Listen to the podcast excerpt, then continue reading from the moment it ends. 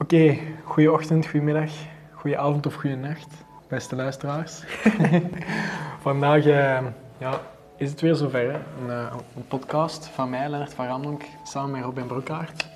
Toes Ensemble podcast, ehm, waarin wij het gaan hebben over onze Belgen die in het buitenland voetballen. Hè? Over eh, onze Rode Duivels. Ja, ja, nog altijd brandend actueel.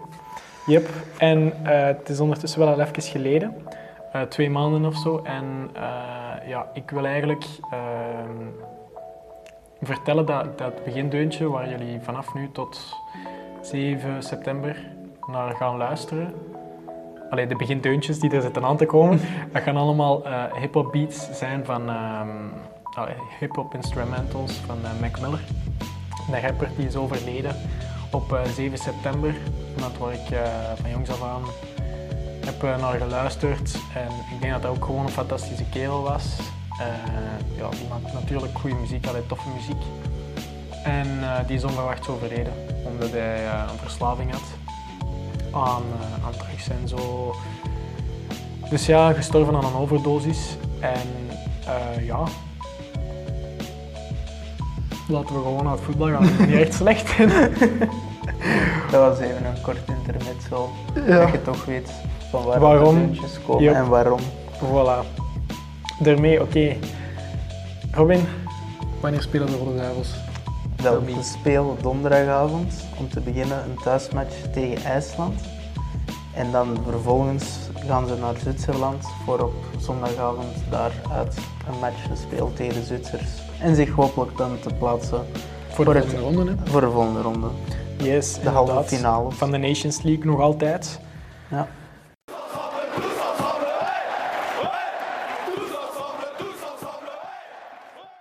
En ondertussen eh, hebben onze Belgen in het buitenland toch weer voor veel oproer gezorgd. Het zijn niet ehm, ja, de figuren die we elke week tegenkomen. Bijvoorbeeld Eden Hazard zit nu niet echt in onze podcast. Nee, niet echt. Eh, dus ja, de echte uitblinkers die, eh, die zijn niet echt frequent aanwezig geweest de afgelopen maanden.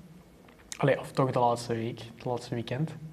Maar wel andere spelers, zoals Axel Witsel. Ja. Ik wil daar gewoon mee beginnen, want op de vorige podcast heb ik gezegd dat eh, die niks ging doen bij Dortmund. En eh, dat Dortmund ook niks ging doen, dit en dat. Maar uiteindelijk hebben ze afgelopen weekend gewoon gewonnen tegen Bayern München. Ja, ja. En dat fel bevochten overwinning, want ze zijn ook een paar keer achtergekomen, maar toch op laatste nog eh, de 3-2 kunnen maken via Paco Alcacer op assist van Den Axel. Ja. Dus eh, mijn favoriete speler, de, de Belgische gouden schoen en binnenkort de Ballon d'Or winnaar. sowieso. Als we de Duitse media, de Duitse analisten mogen geloven, ze vinden het allemaal een ge- geweldige speler. Iedereen vindt dat precies allemaal een altijd een geweldige speler, Ja. buiten ik. Veel superlatieven al gehoord. Brian van Dortmund, Ja, de oude Witzel van toen dat hij bij Standaard speelde. Al kunnen dat inderdaad wel niet vergelijken qua niveau. nee, Maar dat vind ik een gekke vergelijking. ja, Maar ik kan mij wel vinden, ik denk niet dat hij op hetzelfde niveau zit als, als toen, of dat hij nu natuurlijk een beter niveau behaalt. Maar eh, ik kan wel vergelijken als ze zo zeggen van ja, Witzel lijkt nu meer op de Witzel van in standaard, omdat hij iets hoger aan het spelen is ja, qua, bij Dortmund. En eh, ja, die heeft er ook wel een goede coach, hè, die Favren of zoiets. Ja, de, ze hebben wat problemen gehad met hun coach eh, de afgelopen Ja. seizoenen, maar nu hebben ze denk ik toch wel een goede Ja, gevonden. terug eh, een goede coach. En ja, dat is gewoon indrukwekkend. Gisteren ook die match. ze noemen dat er de ultras van Dortmund. Ja, de gelbe wand. Ja, ja, die gelbe wand. Zo de gele wand eigenlijk vrij vertaald. En eh, ja, dat zijn natuurlijk eh, dat, is, eh, dat zijn allemaal supporters van Dortmund. Die ehm, ja, een, gele, een gele muur vormen. Hè. Ja, Dat ook een staantribune, dus dat Yep. zorgt ook meestal voor meer sfeer. En er was veel sfeer. hè. Ja, altijd Is als ze tegen. Bayern spelen. Ja, echt. het was een geweldige match. Al heb ik wel maar de eerste helft gezien. Je hebt Ik heb volledige het, match gezien. gezien. ja. Dus ik heb veel gemist. ik heb in de eerste helft vooral een Lewandowski gezien die heel goed bezig was. Ja, moeilijk even te stoppen ook. Ja, echt een zotte spits. Eh, die kwam dan ook van Dortmund in de Ja. tijd. Dus heeft zijn eh, ex-ploeg toch wel een serieuze nak gezet met twee Vooral omdat doelpunten. hij ook gratis toen was gegaan naar Ja, oh, Bayern München. Dus dat heeft ook voor heel veel commotie gezorgd. Maar ja, het blijft nog altijd ook wel scoren voor Bayern, zoals hij inderdaad heeft gedaan. Twee doelpunten, mhm. maar dat mocht niet baten. Nee, want Dortmund heeft zich gewoon teruggeknokt. Onder leiding van Axel Witsel, nee, niet onder leiding, maar toch eh, Toch met, de, ja, met de steun van eh, Axel. Hè. En in het algemeen doen ze het ook altijd goed. Dortmund ze staan nu eerstes. Jop. Niet met superveel voorsprong, maar ze Uh, staan hoeveel eerstes. punten? Zes of zo? Of Ja, er op zijn er? München zijn er zeven en dan Ah ja, zeven. zijn er drie op Borussia Mönchengladbach, denk ik. En bij München Gladbach gespeeld. De Torgo. Torgan Hazard, de broer van Ja. Eden. En Of moeten we het binnenkort zeggen, Eden is de broer van wel- Nee, nee, zo, zover kan het niet laten komen. nee, we weten allemaal, stiekem weten we allemaal wel wie dat de beste is. ja, Eden is nog altijd, heeft het ook al meer bewezen, maar Ja. Torgen is natuurlijk ook jonger, dus Ja, en eh Torgan is opkomend ook. Maar Torgan speelt nog maar in Duitsland. Misschien dat hij binnenkort naar Engeland gaat verhuizen of zo. misschien, dat, dat zal altijd wel. Ik ben sowieso wel overtuigd dat hij in Duitsland blijft tot het einde van het seizoen. Ik denk dat wel. Het zou ook een beetje, ja, Ja, ik natuurlijk. zie het nut er niet van in om in januari al te zeggen, ik ben Voilà. hier weg. Want het draait gewoon goed bij München Gladbach ook, dus waarom zou hij ja, ineens inderdaad. al weggaan? Ja, dat vind ik ook. En eh, ook als je zo in, in het midden van het seizoen eraan komt ergens, is dat meestal omdat er een club ja, zo wat een paniekaankoop kan doen. Hè, dat ze echt nog iemand nodig hebben. En als speler maak je dan ook niet de voorbereiding mee. Nee, dus Dus daarom ja, dat is, beter eh, in de zomer. eh, ja, ik denk ook wel dat hij dat gaat doen. Ja, in de zomer. Dus ja, dat was zo wat het Axel gedeelte. Eh, die heeft lange tijd in, in China gespeeld. En daarom was ik niet, zoveel, niet zo fan van Axel Witsel. Nog altijd niet, maar ja, ik vind het toch wel indrukwekkend wat hij aan het doen is daar in Dortmund. En wie dat er nog altijd in China speelt, dat is Carrasco. ja, ja, dat is er nog altijd. Bijna Chinese tweede klas ondertussen. Bijna. Bijna. Maar eh, gelukkig voor hem eh, heeft, eh, heeft, hij, heeft zijn ploeg hem dit weekend kunnen verzekeren Ja. Van, van, ja, van, van, Behoud. van het behoud, ja. Maar ja, het zet school inderdaad niet veel, dus dat zegt ook wel een beetje veel over de kwaliteit van de ploeg waarin dat hij speelt. Want laat ons eerlijk zijn, China zal niet zo'n grote kwaliteit van Nee. spelers hebben. Allee, wel wat buitenlandse spelers, maar nu niet de top-toppers. En ja, de Chinezen zelf qua voetbal zijn ook nog niet super veel waard. Nee, Dus, en als je daar dan al bijna op degradatie staat, dan is er toch qua sportief vlak een serieus probleem. ja. Dus, En laten we eerlijk zijn, eh Carrasco die is niet voor het sportieve naar China gegaan. Nee. sowieso voor Gewoon, het financieel. Ja, voor het financiële. Al eh, had ik wel de indruk dat eh, de laatste wedstrijden met de Rode Duivels hij toch echt wel meer zijn best deed. Misschien om terug een transfer te versieren. Ja. Ja, ik denk nu het feit dat Witzel ook is teruggekeerd en dat hij nu terug op een beter niveau speelt en hij zelf er ook terug beter van wordt, kan misschien Carrasco aan, ook aan het denken zetten van ah, als ik ook gewoon terug naar Europa Ja. ga, dan kan mij hetzelfde overkomen. Want qua sportief vlak is het in China niet nee, het is niet, aan te halen. Nee, het is niet eh, aantrekkelijk. Hè. Maar eh, wat je wel veel ziet bij, bij zo'n spelers, is dat ze er vooral voor kiezen om naar China of zo te gaan. Om echt binnen te zijn. Hè. Om, Zoiets van, oké, als er volgende week mijn benen overshotten en ik kan niet meer beginnen voetballen of zo, eh, dan moet je nog een andere job gaan doen, dit en dat. Eh, ik denk dat zo'n speler als eh, Carrasco echt zo in zijn achterhoofd had van, oké, ik moet ehm, naar China, moet daar echt veel geld gaan verdienen en dan als ik terugkom naar Europa, kan er mij van alles gebeuren, maakt niet uit maar, wat, maar ik kan toch mijn gezin onderhouden. Hè. nou, Allee, hij zal dat nu ook wel kunnen doen, maar dat, dat denk ik echt ook wel, wel. dat hij zelfs de volgende generaties kan onderhouden. Hè. En het ding is eh, ook, het staat ook wel in contrast met Amerika, want we zien vaak oude spelers die zo naar Amerika trekken om daar op pensioen te gaan. En China is dan inderdaad meer om wel, geld, Echt te geld verdienen als je ja, nog Ja, ja. bent eigenlijk. Ja, in Amerika is dat ook zo voor die sponsordeals, hè, zoals eh, Ibrahimovic doet en eh, Rooney. En dan heb je leuke sponsordeals daar. Dus daar verdient je daar ook nog eens heel veel geld Ja. mee. Maar eh, ik denk vooral bij Carrasco, ik heb mij laten vertellen dat hij heel zwakke knieën heeft.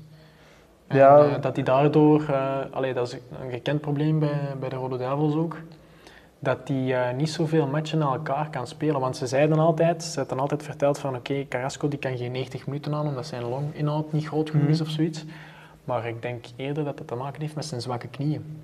Ja, Het is ook wel echt een, een fijn manneke. Hè? Ja, het is ook wel ja, belastend dat ze altijd neerhalen waarschijnlijk, met Ja. zijn snelheid ook. Dan is het, ja, als je lichaam niet mee wilt, dan stopt het ook wel wat in de voetbal, denk ik dus. Dat is inderdaad wel een probleem. Dus ja, die heeft wel veel last van zijn knieën en zo. Misschien dat dat wel een mogelijke reden kan zijn dat hij naar China en echt zo van oké, ik wil binnen zijn. Want ik kan mij voorstellen, die kon in een tijd ook naar de Premier League. Ja. Maar in de Premier League zijn ze wel echt hard. Ja, kijk maar naar is, Hazard. eh, Die voilà. wordt voor het moment om de 29 minuten wordt Hazard op de grond gelegd. in de Premier League, dat is ja, Dat is gek, belachelijk dus, veel. Ja. Dus, Dus- ja, als je je knieën eh, kapot wilt laten shotten, dan gaat de West naar Engeland. Ja. Dus die zal eerst gedacht hebben, misschien moet ik eerst naar China en dan pas naar Engeland gaan. Ja, wie weet, het kan misschien nog. Hè. Ja, ik zie dat nog wel gebeuren. is niet, Ja. nog niet zo oud, hè. Nee, het is- 94 denk ik.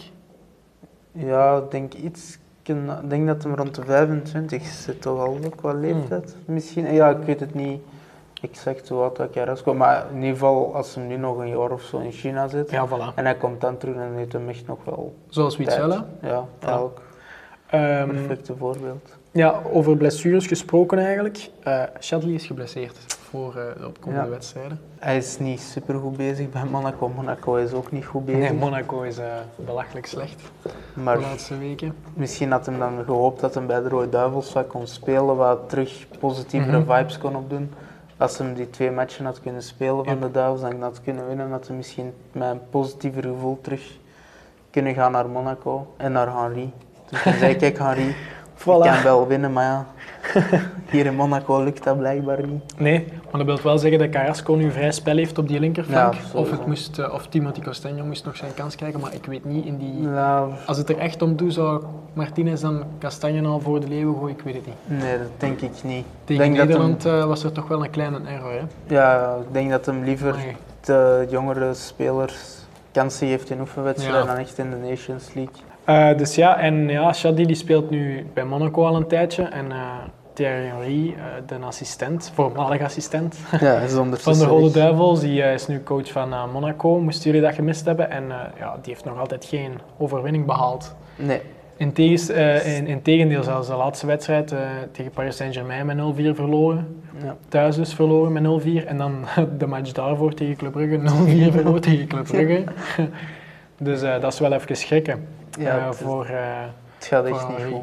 met ik, ik vraag me af, eh, als, als eh, voorzitter zijnde en zo, als bestuur zijnde, hoeveel krediet geeft je iemand als, als Henri eigenlijk? Geen, niet, geen trainerservaring, Ja, hij gaat, eh, nog niks gewonnen. het is natuurlijk niet goed voor zijn cv natuurlijk Amai, ook niet. Want oh, verschrikkelijk. Wat wordt zijn volgende job? Als we Ja. even, die gaat toch niet... Zou die terugkomen nu? Hè? Nee, Dat die- wel niet. Maar ja, een kleiner ploeg dan, maar dat is dan ook moeilijk. Dus ik denk vooral dat hem veel heeft Ja. opgegeven om weg te gaan bij Rode Duivel. Ik denk dat hem beter dan... Ja, ja. Maar ja, het zat er wel aan te komen. Het moest ooit iets gaan gebeuren. Hè? Ja, dat Maar natuurlijk ja, wel. deze was nu niet het... deze was iets te uh, over Monaco. kop gehandeld. Tielemans speelde ook niet goed bij Monaco. Nee. Ook eh, heel, eh, Wisselvallig. heel wisselvallig, zoals een tijdje dat hij bij Anderlecht ook heeft gehad eigenlijk. Maar hopelijk is eh Tielemans wel klaar voor de Rode Duivels. Ik hoop Ik dat. hoop het. ja. De Bruinen is er ook nog altijd niet. Nee, Dus, eh, dus ja, allee, wie hij moet er was dan er staan? en dan was hij er weer niet. Dus We kunnen Fellaini nog inzetten, denk ik.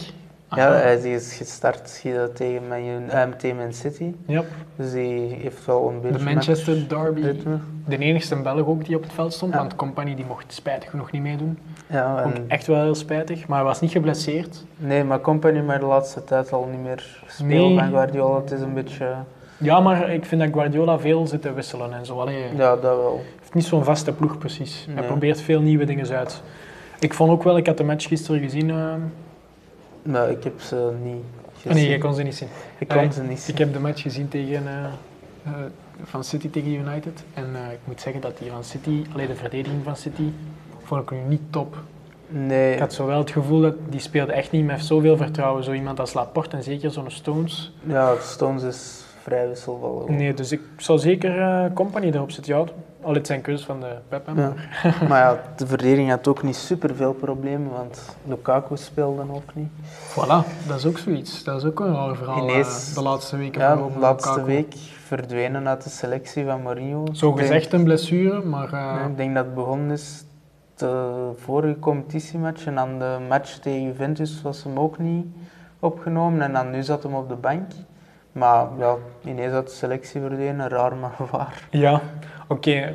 het is wel raar als hij niet mag starten. Allee, het is niet zo raar dat hij niet mag starten, want Ja, uiteindelijk hij heeft al lang niet meer gescoord voor United. dat is waar, al Maar- tien matchen, elf Ja, matchen ondertussen. Dat, die, dat blijft maar doorgaan. En ehm, het is, ik vind het wel raar dat hij eigenlijk buiten de selectie van.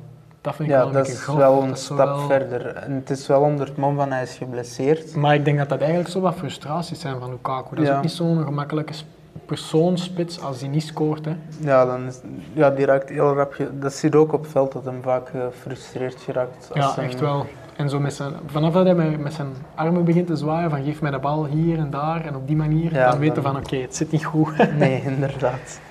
dus ja, dat is wel een beetje een spitsenprobleem eh, bij United. Bij United. Maar ik moet zeggen, bij de Rode Duivels merk je daar niet zo heel veel van. Ja, bij Rode Omdat de laatste wedstrijd eh, twee goals heeft scoren, gemaakt tegen Zwitserland. Dat heeft misschien ook de manier van spelen de ploeg te En de coach, kom de coach, zeg het. De coach ook. Oké, zoals je al hebt gehoord op de vorige podcast, is eh, Robin zware Chelsea-fan. En eh, natuurlijk, Chelsea en eh, Mourinho, dat is, die hebben een hele rijke geschiedenis. Tja, Dus Robin is nog zo wel een beetje een voorstander van Mourinho, hè? ja, voorstander. Ja, zijn voetbal is nu echt wel. Allee, te- ja, het is overroepen aan het worden. Ja. Bij Chelsea ging het nog net, omdat hem kampioen ermee is geworden. Maar nu zie je toch wel bij United dat de manier hoe dat hij voetbal brengt. toch, ja, het Ah, is, ik vind het verschrikkelijk. het is- Oh, ik, kan dat niet, ik kan dat niet... nee, het is niet meer uh, winstgevend, is het ook niet meer. Dus Nee, hij kan er beter mee stoppen. dat is sinds kort ook al niet meer. Eh allee, ja, sinds kort. Hij heeft wel nog gewonnen tegen Juventus, met wat geluk. Ja, Allee, de vrije hij- trap en dan een ongoal. Dus dat was nu ook niet het aanvallende spel Nee, dat nee, je wilt nee. zien natuurlijk. Maar Nee, dat wil je niet zien. Dat, dat is nog altijd... Je wilt dat niet zien van United, hè? nee, ja, Ik wil, je wilt toch beter voetbal en... ja sowieso. met dat probleem eh, van, van Lukaku, die eh, ja, al dan niet wel fit is. Want ja, als hij echt een blessure heeft gehad, dan zal hij wel niet fit zijn om 90 minuten te spelen. Nee. En eh, ja, ook omdat hij niet waarschijnlijk. speelt, ehm, ja, wie gaat er in de spits staan bij de Rode Duivels? Want Michi Batshuayi, is ook die uit de ook uit de selectie gevallen. ineens. Omdat de coach bij Valencia vindt dat ja, Batshuayi is tactisch niet goed genoeg voor zijn systeem. Nee, En nee. eh, Mina is daar beter in, in bij Valencia volgens de coach, dus daarom valt hij uit de selectie. Maar Michi laat het niet aan zijn hart komen, want hij, ja, hij zit wel tijdens de match te twitteren dat hij voor de ploeg supportert en zo. Zo is de Michi. Ja, veel trekt hij er zich niet van aan. Ja, Michi is eh, altijd wel zo wat excentrieker. Bijvoorbeeld een grote fan van SpongeBob. ja. Draagt er ook kleren van, openbaarlijk. Ook soms een rare kledingstijl, maar dat maakt hem ook wel plezant. Ja, ja. Dus het verwondert mij ook niet dat hij ja, toch wel positiever op reageert. Ik denk dat hij zich ook niet superveel zorgen maakt, dat dat wel terug in orde komt met Michi. En Ja. hij heeft ook waarschijnlijk gewoon ook terug zin om bij de Rode Duivels te komen. Denkt misschien ook aan Lukaku doet het ook niet goed. Misschien krijg ik wel Ja. een kans. Misschien ja, voilà, zo optimistisch zal die wel zijn. Hè. Ja, is... Maar eh, eigenlijk, eh weet wie dat er echt in de spits moet bij de Rode Duivels, denk ik? Je weet het, hè? Drieske Mertens. Ja, Ja. is eh, goed bezig in eh, Napoli weer al. ja. Vijfde seizoen al. Eh, voor het begin van dit seizoen kwam er een nieuwe coach, Ancelotti. Ja, dus Sarri, degene die dat Dries echt groot heeft gemaakt bij Ja. Napoli, ja, die is vertrokken dan naar Chelsea. En die heeft eigenlijk Dries zo in de spits, is ermee begonnen om Dries in de spits te zetten, ja, geïntroduceerd. En ja, Ancelotti die had eigenlijk andere plannen.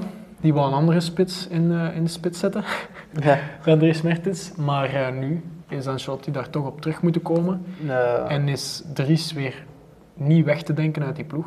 Nee, hij heeft terug zijn stempel gedrukt op het spel van Napoli.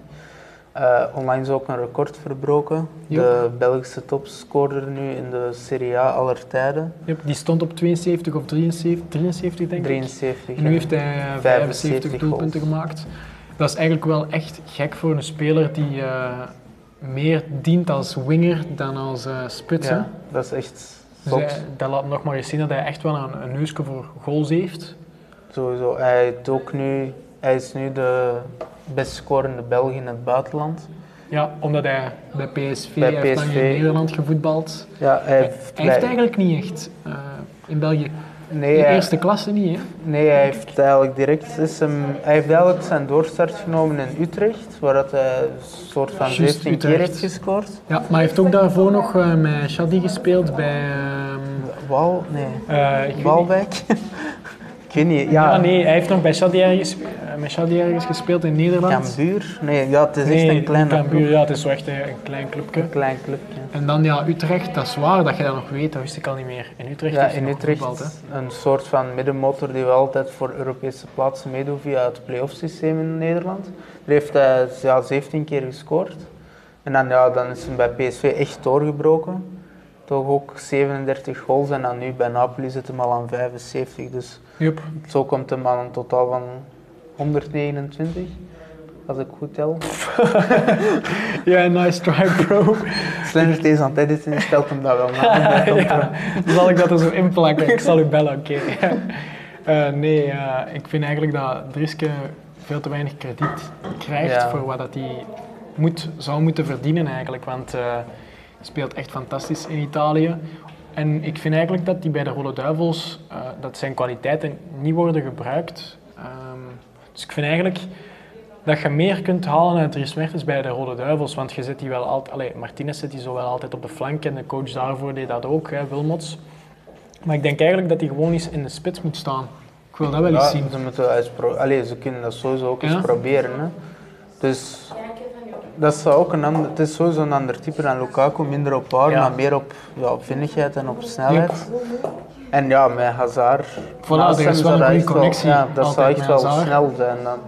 Dus ja, maar als we echt spitse problemen hebben, Ja. dan waarom is het niet Ja, proberen? de- volgens mij is dat gewoon de volgende wedstrijd is de ideale kans om dat, om dat uit te proberen. Ja, dat denk ik. Ik, weet, ik zit altijd met dat idee in mijn hoofd van... ehm, ik kan me nog die match herinneren tegen Brazilië dan, alleen van afgelopen zomer, waarin dat Lukaku ineens op rechts schoof en ehm, De Bruyne een rijtje hoger stond. Nee, nee, De Bruyne stond al een rijtje hoger, maar De Bruyne ging centraal als valse spits spelen. En dan hebben we echt Brazilië kunnen kloppen, omdat De Bruyne heel veel liep, heel veel druk had gezet. Als enige man vooraan was, echt. Eh, als we moesten verdedigen. En ehm, ja, dan had ik zo het idee van, ja, waarom staat Dries Mertens er nu niet? Ja. Als je de Bruyne daar kunt zetten, terwijl Ja, toch niet is aangelegd als spits, zet er nu eens een echte spits die ook veel loopt en minder fysiek is. Hè, waarom niet gewoon Dries Mertens is? Maar dat moeten we inderdaad dan eens proberen tegen IJsland of Zwitserland. Dat, ja, Ja, weet je, het, het probleem is ook gewoon een beetje, de, misschien allee, als dat echt een probleem is, Martinez is echt zo wel een fan van de Premier League. Hè. En het, het, omdat, omdat Mertens nog nooit in de Premier League heeft gespeeld, twijfelt hij misschien een beetje aan, aan dat gedoe van oké, zou ik Mertens wel in de spits zetten. Ik vind dat je dat gewoon echt eens moet proberen. Hij heeft dat eens één keer gedaan, denk ik, tegen Spanje. In het begin Ja, van zijn... dat- Maar ja, dat marcheerde natuurlijk niet. Dat was eh, toen wel wat te vroeg nog. Het ding is ook gewoon als we tegen eh, ja, IJsland donderdag winnen, dan kunnen we met zekerheid zeggen dat we wel geplaatst Voilà. zijn. Dus dan kan hem tegen Zwitserland wel eens Ja, dat kunnen we misschien uittesten. dan wel eens gaan proberen, want in Zwitserland eh, zal het allemaal wel stevig vastzitten. Ja, sowieso. En misschien heb je dan wel meer beweging nodig, vooral in de spits. Ja, ja als ze daar wat meer bewegen, dan ehm, moet het daar ook wel in orde komen. Denk ik. We hebben er thuis wel de nodige probleem mee gehad, maar in principe mag dat geen probleem vormen. Nee, voilà. Eh, dan nog een laatste punt, wil ik het gewoon hebben over Thibaut in Madrid. Eh, Thibaut Courtois die speelt nu eh, bij Real Madrid en er is de afgelopen weken echt heel, Heel veel shit over zijn nek is- gekomen. Want ik, dus ik vond het zo raar, want iedereen stak het precies op Thibaut Courtois dat, eh, dat Real Madrid niet presteerde en dit en dat en Courtois. Maar eigenlijk, de verdediging was echt Ja. In, de, in de Classico was het gewoon lachen. Hè. Het Ramos was lachen, Varane was lachen. Het probleem is, doen ze het erom om Courtois Ja, te kloten dat denk ik om- ook. en om Navas in een beter daglicht te stellen? Of zijn ze echt gewoon zo slecht? Ik kan me dat niet inbeelden. Want Ja.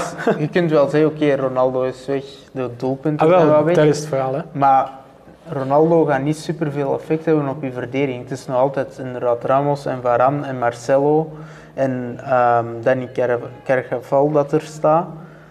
Dus ja, daar kan het toch geen effect op hebben. En je hebt ook de beste doelman van de wereld in je doel staan. Dus, Voilà, eindelijk. dus Voilà. ja, Dat vind ik ook. Ik vind dat ook gewoon de beste doelman van ter wereld. En eh, ik vind dat het gewoon aan de verdediging lag. En ik weet niet, de, de, de media heeft dan gewoon zo aan een, eh, een stok gepakt en is dan gewoon beginnen slagen. maar het, het zit volgens mij wel in de kleedkamer nog altijd moeilijk met de kwestie dat ja, Navas ligt heel goed in de spelersgroep van Madrid. Ja, En ze zien Courtois zowel als wat de indringer. En ook niet vergeten, ja, Courtois heeft ook een periode bij Atletico gezeten en voor de supporters is dat, ligt dat ook lastig. Ja, dat, is, ja. dat, is, dat is ook wel iets dat niet rechtstreeks gaat meespelen, maar zo onrechtstreeks in mensen hun hoofd denk ik wel dat dat ja. er ook wat. Maar ja, het is nu ook gewoon lastig, de coach is ondertussen ontslagen. Dus het is Voilà, ook wel afwachten wie dat er een nieuwe coach wordt. En of dat die echt een keuze gaat maken van Courtois, jij bent nu nummer 1 in Ja. alle competities. De, de, de coach, allee, de, De, allee, de de, hulpcoach invaller, nu, dus de invaller eigenlijk, die heeft wel een keuze gemaakt. Hè, want die Ja, heeft eh, Courtois in de Champions League Ja. en in de competitie laten spelen. Dus uiteindelijk, als je gaat kijken op training, allee, die zullen echt dan zien hoe dat, dat op training is, zullen die ook wel zien dat Courtois beter is dan Navas. Hè? Ja. Je gaat toch niet ineens zeggen van oké, hoe heb Navas eruit? Want hij heeft zich echt wel snel in die ploeg geknokt, vind ik. Ja, het is stoppen. Ja, het is wel afwachten wie dat er nu de nieuwe coach wordt. Ja. Om te zien wat dat Inderdaad. ermee gaat doen. hè. Maar eh, dat van die nieuwe coach, eh, daar gaan we het de volgende podcast over Dat hebben, denk ik. Als het tegen dan Al bekend is, maar ja, we hebben wel al eh, food for thought. Ja, ja, sowieso. Oké, eh, Robin, merci. En Ja, dan eh, zie ik u de volgende podcast terug. Oké, bedankt iedereen om te luisteren en vergeet zeker niet eh, te subscriben, u te abonneren op mijn eh, kanaal. Voorlopig nog op Castbox. Eh, misschien ga ik dat nog veranderen. Moesten jullie een idee hebben van een nieuw platform of zo, eh, waar ik mijn podcast op moet posten, ja, stuur mij maar. Eh, ik ben makkelijk bereikbaar. Via mijn eh, Alle e-mailadres. ladies, je kunt bellen op Gast. 04. Nee, ben makkelijk, je kunt mij altijd gemakkelijk mailen of ja, via lennartvra.gmail.com. Oh, is dat zo slim dat ik mijn e-mailadres geef? Zodat krijg ik stiekem spam. Dat maakt niet uit. of je kunt mij gewoon kunt ook eh, ah, oké. Je kunt mij ook gewoon een, eh, een chatberichtje sturen eh, via Instagram, Facebook, I don't know, Lennart van Raamdonk